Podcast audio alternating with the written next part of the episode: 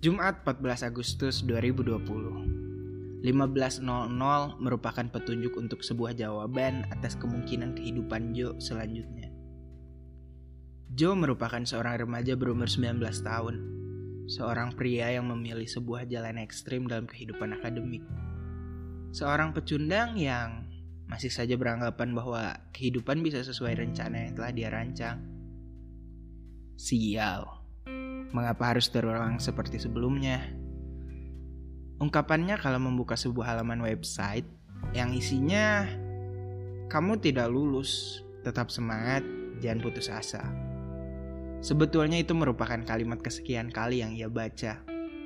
Apalagi bebannya semakin terasa berat ketika media sosialnya terus bermunculan sebuah pengumuman yang berbanding terbalik dengan apa yang ia dapat.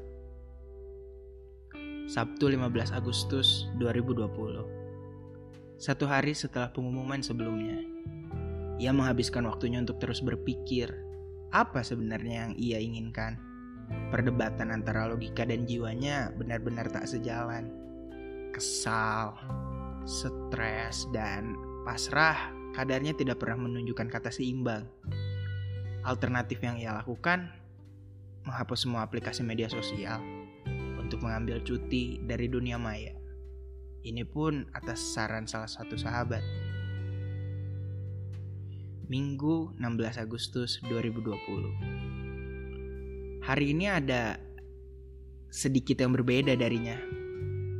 Ia pergi menuju salah satu kedai daerah Dago Atas untuk refleksi ditemani minuman kegemarannya. Setelah berdiskusi yang mengasihkan dengan teman baru yang ia dapat,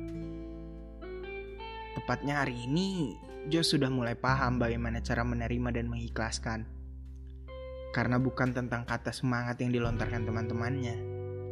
Ia lebih membutuhkan ruang untuk menerima kenyataan bahwa hal ini merupakan proses pendewasaan atas pilihan yang ia tempuh. Segalanya memiliki hal baik di dalamnya. Terima kasih sudah mendengarkan. Semoga kalian yang berpengalaman sama seperti Joe bisa saling menguatkan dan tetap bertahan. Stay tune, tunggu di episode selanjutnya.